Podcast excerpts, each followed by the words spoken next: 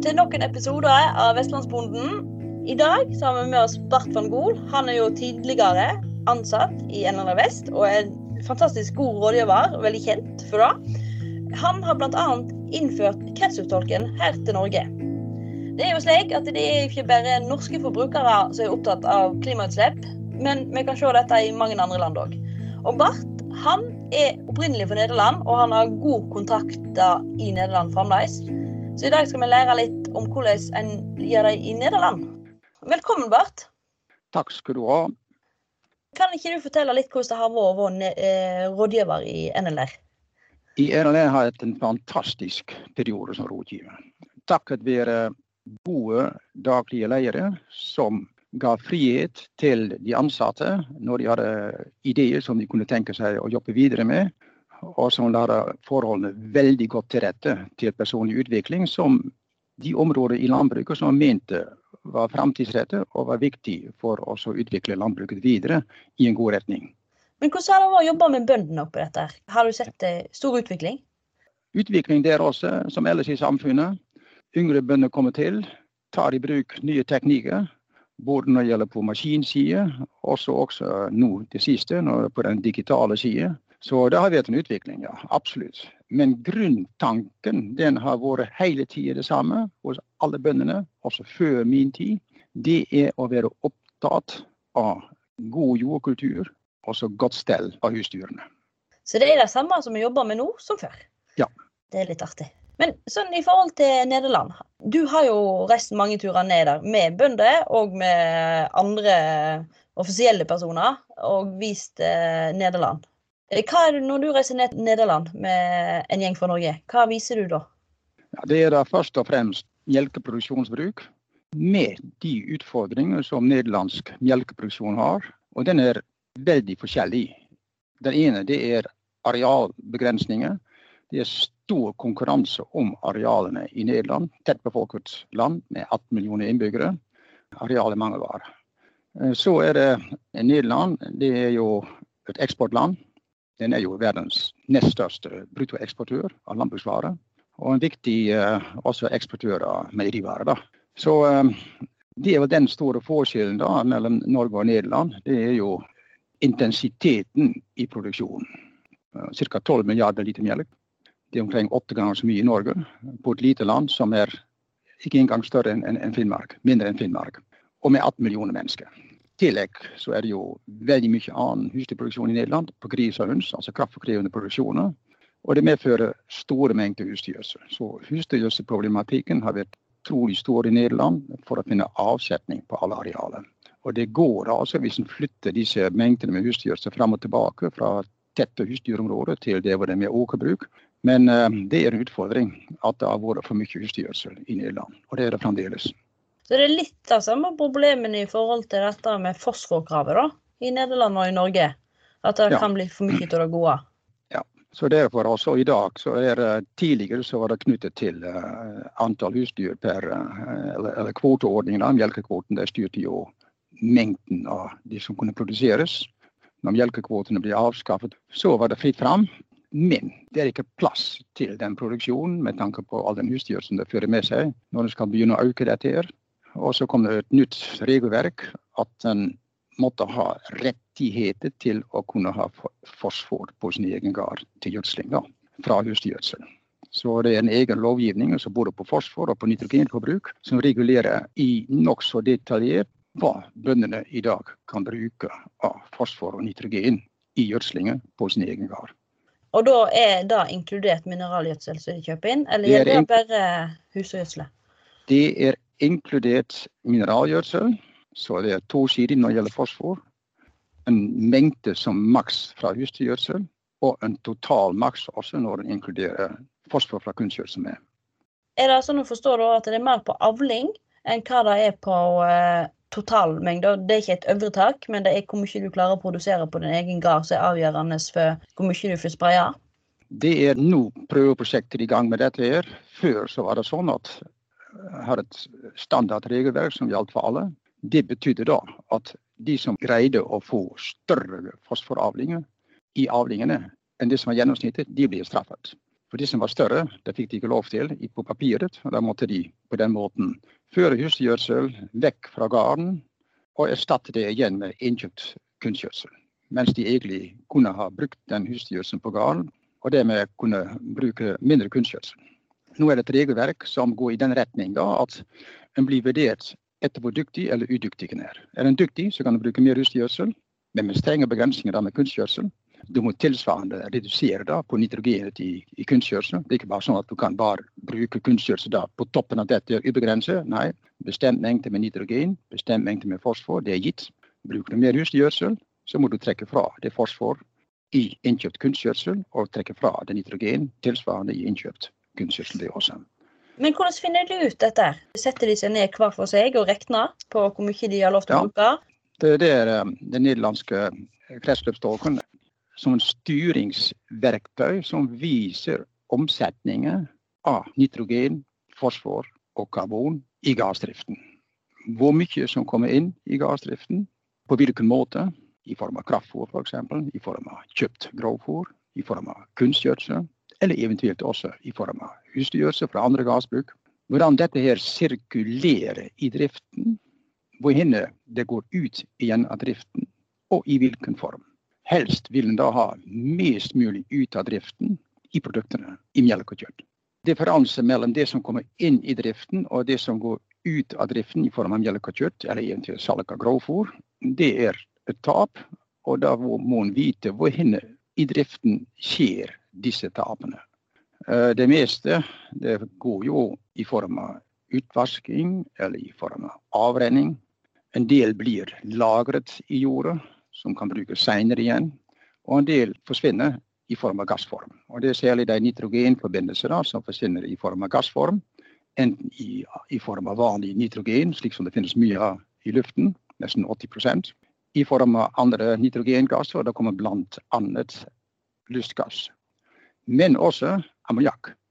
Og det er sånn altså at klimagassutslippene så, så blir i kretsløpståken etter det også en modul som da viser hvor mye av tapene skjer i form av klimagass. Så er det sånn altså at i og med at dette betyr så kolossalt mye for økonomien i melkeproduksjonen, hva en kan produsere, så det er veldig tydelig at selve programmet, kretsløpståkene, det skal være 100% kontrollerbar. Alt som går inn av opplysninger i programmet, det må kunne kontrolleres. Det må være registrert på et eller annet vis hvor en kan kontrollere det. Dette er også veldig eh, kontrollerende overfor bøndene. Dette er jo ikke noe vi norske bønder må. Men hvordan føler de nederlandske bøndene om dette? De nederlandske bøndene er akkurat det samme som, eh, som norske bønder. De føler at eh, de får mer og mer regelverk inn i driften som de, som de må pålegges å følge. Så det er begge deler. De mest fremgangsrike bønder, progressive, som tenker framover, de synes det er en utfordring. Og kjekt å kunne på den måten få opplysning på sin egen gard, så de får et grunnlag å forbedre seg på. Men det er en hel del som synes dette er altfor mye inngripen fra det offentlige i den vanlige gardsdriften. Men meieriene har pålagt leverandørene at de skal ha en kretsløpstoganalyse. Hvis de ikke har det, så får de ikke betalt for melken. Så det er ikke et offentlig krav, det er et krav fra næringen sjøl. Eh, denne kretsløpstolken den har jo du tatt med deg til Norge.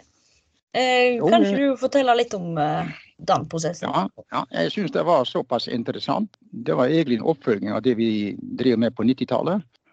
Og i og med at vi har omkring samme opplegg i, i Norge som i Nederland med tanke på um, måten analysen er på jordprøver og på fôr. Altså det samme fôringssystem med fôregninger den gang, og protein og sånt. Det var akkurat det samme. Så kunne en i grunnen egentlig bare oversette programmet fra teksten fra nederlandsk til norsk, og så bruke det slik som det var.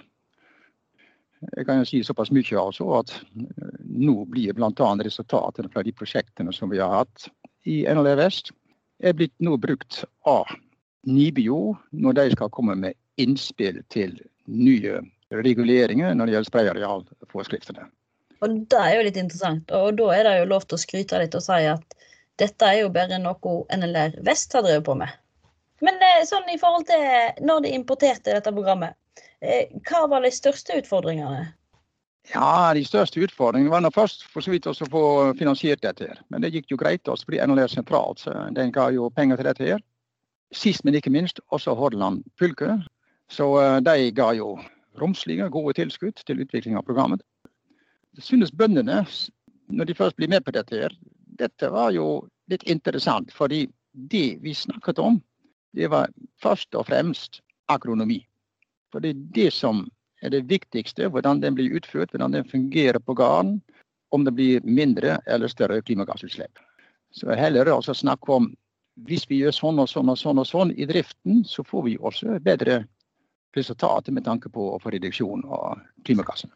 Ja, for dette er på en måte en optimalisering av eh, gjødselplanen òg, da. Når du får med deg eh, fosfor og nitrogen ifra hele gården, og ikke bare selve skiftet da, eller selve enget. Så det er jo ganske spennende. Men kunne du bare importere det til Norge uten noe sånn, gjøre noe forskjell i forhold til værforhold i forhold til Nederland og Norge, eller ulike jordsarter som er kanskje dominerende i Nederland enn i Norge, f.eks.? De har akkurat de samme jordartene her i landet enn i Nederland. Vi har store murområder i Nederland også. Utrolig store murområder som er en sump akkurat som her. Og så vi har lett sandjord, og så har vi tung leiejord. Så en har de samme type jordartene som vi har iallfall her på Vestlandet også. Så det er ikke noe forskjell, men nedbørsmengde er litt forskjellig. Pluss uh, hvis som den eneste forskjellen som, som man kanskje ikke har tatt hensyn til fullt ut, eller kanskje kan fange opp, det er jo med tap av tap av nitrogen altså under spraying av utstyrelse. I Nederland er det jo ikke tillatt med overflatespraying, mens her er det vanlig overflatespraying. Men til gjengjeld så har vi brukt litt altså, tapstall fra Landbruksteknisk institutt, som har hatt en gang, og Nibio, hvor, um, hvor mye tap en har ammoniakk når de tilsetter vann. Altså, sånn. Og dette med vanntilsetting det er ikke i Nederland, så det er vi et foregangsland. Når jeg sa til de nederlandske fagmiljøene ja, men vi tilsetter vann for å få ned ammoniakkfordampningen.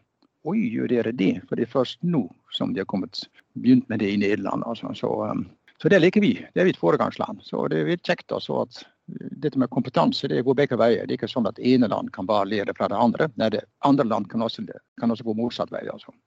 Ja, så, men ellers i store trekk kan jeg si da En får ikke 100 nøyaktighet. Det var ikke meningen heller. Det er først og fremst å bli få erfaring med å jobbe med disse spørsmålene, utnytting av næringsstoffene, også i tillegg til en beregning av klimagassutslippene. For det var jo et, et krav fra fylkesmannen.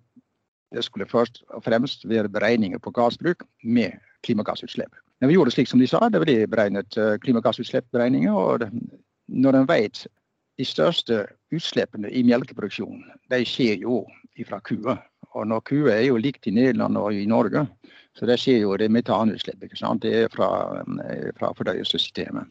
Det er det de største utgassutslippene totalt sett omkring. Den utgjør omkring to tredjedeler i melkeproduksjonen. Så De andre utslippene det er kanskje 20-25 lystgass, og så er det sånn snaue 10, 10 direkte fra, fra uh, CO2-utslipp knyttet til energi. ikke sant? Altså uh, drivstofforbruk med traktor og slike ting.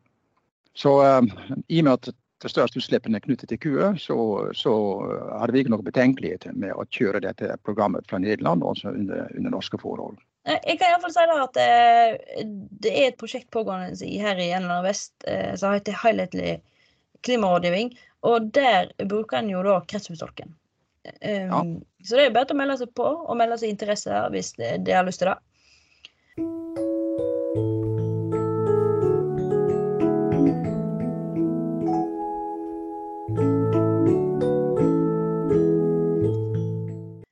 Men så er det jo én ting som alltid er interessant, og det er jo avling. Og sammenligning ja. av avlinger til ulike plasser.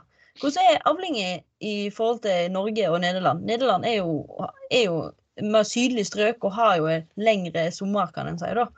Ja. Um, kan ikke du si litt om det? Ja, det er, det er nok høyere avling i Nederland. Det er jo lengre vekstsesong, så du kan jo ta, utnytte det. Eh, men skulle ikke så forferdelig mye høyere enn de beste her. da. Jeg tror gjennomsnittet ligger omkring på nå tar det i kilo tørrstoff da, ligger på ca. 1200 kilo tørrstoff per dekar. Og Det samme finner du på Jæren f.eks. mye. 1200 kilo. Men de aller beste ligger jo på 1800. På de aller beste områdene ligger de på 1800 kilo tørrstoff. Så det er, eh, Men uh, gras altså hele Nordsjøbassenget, de land som ligger rundt omkring Nordsjøen, det er grasland. Når de ser i framtida også hvor de regner med økt melkeproduksjon i, i Europa, EU, da er det de nordvestlige områdene som ligger rundt Nordsjøbassenget. Det er England, Irland, Nederland, Tyskland, Nord-Tyskland, Danmark og Norge. Sånn, så. Ja. så klimaet er mye likt, men alt er noen grader høyere i Nederland og litt lengre. En måned eh, på begge endene, altså en måned tidligere og en måned lengre. Røff sak, kan du si. Men du sa i stad at uh, det var jo bønder i Rogaland som tok opp mot 1200 kg tørrstoff. Ja, ja. Da må vi jo skryte litt av våre egne òg, da. For det er en del som gjør det i vår, vår region òg. Absolutt.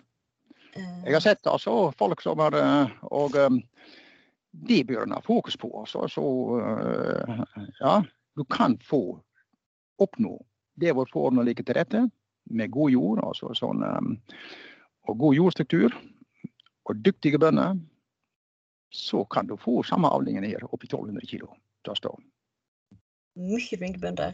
Men så er det jo det òg at når du får slått oftere, um, um, slår de da tidligere enn de Mange ja. her vil, vil, jo legge seg på et litt seinere slåttetidspunkt, sånn at en skal få nok uh, fôr.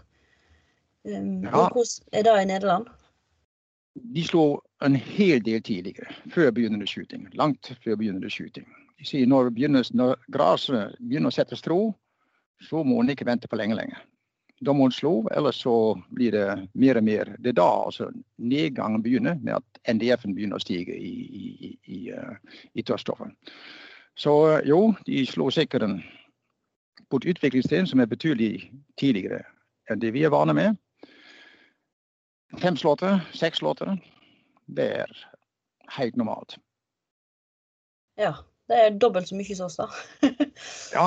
Så um, og, um, Men så er det siste så er det kommet til er det så fornuftig å slå så veldig tidlig. For det resulterer i høy proteininnhold. Og høy proteininnhold det er ikke så lenger ettertraktet i fôringen. Fordi um, det gir en For høy proteininnhold i gresset så ofte at en da får uh, større tap i, i underfòringen av nitrogenet. Det forsvinner en større del i form av ammoniakk igjen i urinen. Og så det med ut i husdyrgjødselen med igjen da større muligheter for tap når den skal spreies ut. Så uh, en har sagt tar litt mer ro. Et uh, proteininnhold på 17% i gresset, det er godt nok. Og litt, litt mindre, litt mindre Eh, litt mer NDF, slik at du får litt mer struktur i gresset. Altså, det gir et produkt som er mye lettere å fôre med til kyrne enn det som er ekstremt tidlig slått, særlig hvis det også er høyt sukkerinnhold. Eh, og eh, grasartene i dag, altså reigrasartene da, som i dag, sammenlignet med det som er på 80-tallet, så har det gått mer og mer i retning at dagens reigrasartene iallfall har mer preg at det er kraftfôr enn at det er grovfòr. Særlig hvis det blir slått for tidlig. Ja. Så da er begynnende skyting det er fremdeles et bra slåttetidspunkt? Det er bra, da. Så hvis vi får en, um, en forurensingskonsentrasjon på rundt 0,90 uh, Fordøyelighet på 75 av noe sånt uh, av det organiske stoff. Og så få et, et proteininnhold på 15% så er det helt bra. 15-16 og så uh, Sukkeret blir som oftest da pga. værforholdene så blir det som, som, det blir. da. Er det mye sår, så blir det høyere sukkerinnhold. Men altfor høyt sukkerinnhold med lite struktur og raskt nedbrytbar uh, syrefôr, det er ikke så enkelt å fôre med. Altså. Da, må du, da, må du, inn med, med, du inn med mer, mer struktur. Da. Så For tidlig slått i Nederland det har de gått litt vekk ifra. Det kan godt bli slått på en litt senere tidspunkt. Og da blir omkring slik som de tidligste kanskje slo her. De som har nok, nok areal. Ja. Vi kan slå litt eh, tidligere, helst, men, ja. Ja. Eh, men ikke før tidlig heller. Ja. Men sånn i forhold til når, det, når du har gjennomgått disse kretsloppsfolkanalysene her på Vestlandet og, og, og sammenligna med det med Nederland, ser du noen store forskjeller der? Ja, det er nok større. Slik som i Nederland, så er det nok større større utslipp målt per kilo melk. Men det kan det være også pga. strukturen, altså hvordan produksjonen blir produsert. Fordi det er fremdeles sånn, slik som i Danmark eller Nederland, så er det veldig spesialisert. Melkeproduksjon, da er det bare melk pluss nødvendig påsett. Ikke noen okseslakt ved siden av. Mens her i landet så har vi ofte en del okse med. Og i kretsløpståken, det kan du si det er kanskje en svakhet, så blir, um, uh, så blir det ikke skilt mellom kjøttproduksjon og melk. Altså Hvis du har eventuelt bruk med litt okseslakt, så blir det nok skilt ut da, som en eget, eget uh, slakt, egen produksjon da, etter standardtall. Men i melkeproduksjonen blir det ikke skilt. Altså, så selve melkeproduksjonen blir ikke skilt mellom kjøttproduksjon fra oppdrett og så melk. Altså. Alt blir belastet. Nødvendig påsett for å vedlikeholde eh, besetningen i melkeproduksjonen. Den blir betraktet som en del av melkeproduksjonen, og så ligger inn i, i, um, ligger inn i, um, i, i beregningen til, til klimagassutslipp målt per kilo CO2-ekvivalente per liter melk. Mens her har det vært helt vanlig i landet at uh, alle kvigene blir satt på. Så du får et veldig stort påsett av kviger ikke nødvendigvis nødvendig for å vedlikeholde besetningen, men det er litt lettere altså, i det praktiske, i det daglige. da, ok, Er det ei ku som går ut, så har vi nok kviger på vei. Mens det i Nederland eller Danmark så er det ikke mer påsendt enn striks nødvendige for å vedlikeholde besetningen. Fordi påsett, det er ikke noen, du tjener ikke på påsett. Og når du har en begrenset mengde hva du kan produsere, bruk av fosfor og nitrogen, i grovfòrproduksjonen så er det bedre å bruke mest mulig der hvor du tjener mest penger, og bruke det grovfòr til melk, og ikke til unødig påsett. Så um, jo, så er det jo så vi har nok målt da, Her hos oss hadde vi målt nok i snitt høyere utslipp målt i per kilo melk, altså målt i CO2-ekvivalenter, enn det vi finner i snitt i Nederland. Eller finner i snitt i Danmark, akkurat det samme. Men har de da med dette med kjøtt? Eh, fordi de bruker jo mye Holstein i Nederland, og da er jo generelt dårligere slaktevekt på, ikke det? Ja, Holstein det er ikke noen Holstein-kalver er ikke noe særlig til, til, kjøttproduksjon. Det er de ikke. Så, um, så NRF, har jo, NRF er jo kombinasjonsku som har uh, bedre kjøttegenskap på, på Eh, på oksekalver enn en rene Holstein.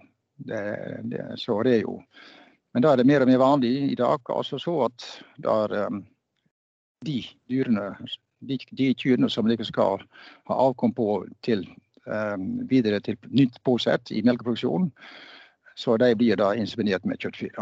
Så da får du og det blir mer og mer da, med tanke på også da, altså god utnytting, så blir de så blir de da med kjønnsseparering av sæd, så kan du også da sørge for at når de blir inseminert med kjøttfe, at det stort sett blir oksekalver som blir født. da. Krysningskalver, det. Mm. Så det er jo Men, det, ja. ja. Det er veldig bra. Du, og så er det jo en ting jeg lurer på. Du hadde jo en artikkel uh, i Bondevennen. Du ble intervjua ja. i Bondevennen her uh, tidligere. Ja. Uh, og vi har jo hatt en episode tidligere om klimakalkulatoren. Ja. Eh, og der uttalte du litt om programmet. Eh, kan ikke du eh, si litt om det? Eller kan ikke du Ja. Hva syns du om klimakalkulatoren? Altså, tanken er jo veldig bra, men klimakalkulatoren det jeg savner mest, og det gjør også mange i fagmiljøet, det er at den er helt fokusert på beregningene av klimagassutslipp. Mens jeg kunne ønske meg og det er veldig gode muligheter videre for å bruke ut klimakalkulatorene. At den også har dette med kretsløp av næringsstoffene med i driften. At vi får et oversikt. over hvordan, hva fungerer hva skjer med, krets, med næringsstoffene i kretsløpet på gassdriften. Så det er jo um, Hvis jeg skulle si noe om svakheten av klimakalkulatoren, så er det jo at den er bare et program som beregnes, slik som vi ser, ser det i utskriftene, veldig fokusert på klimagassutslippene, og ikke noe mer. Ja, jeg har jo vært, ja.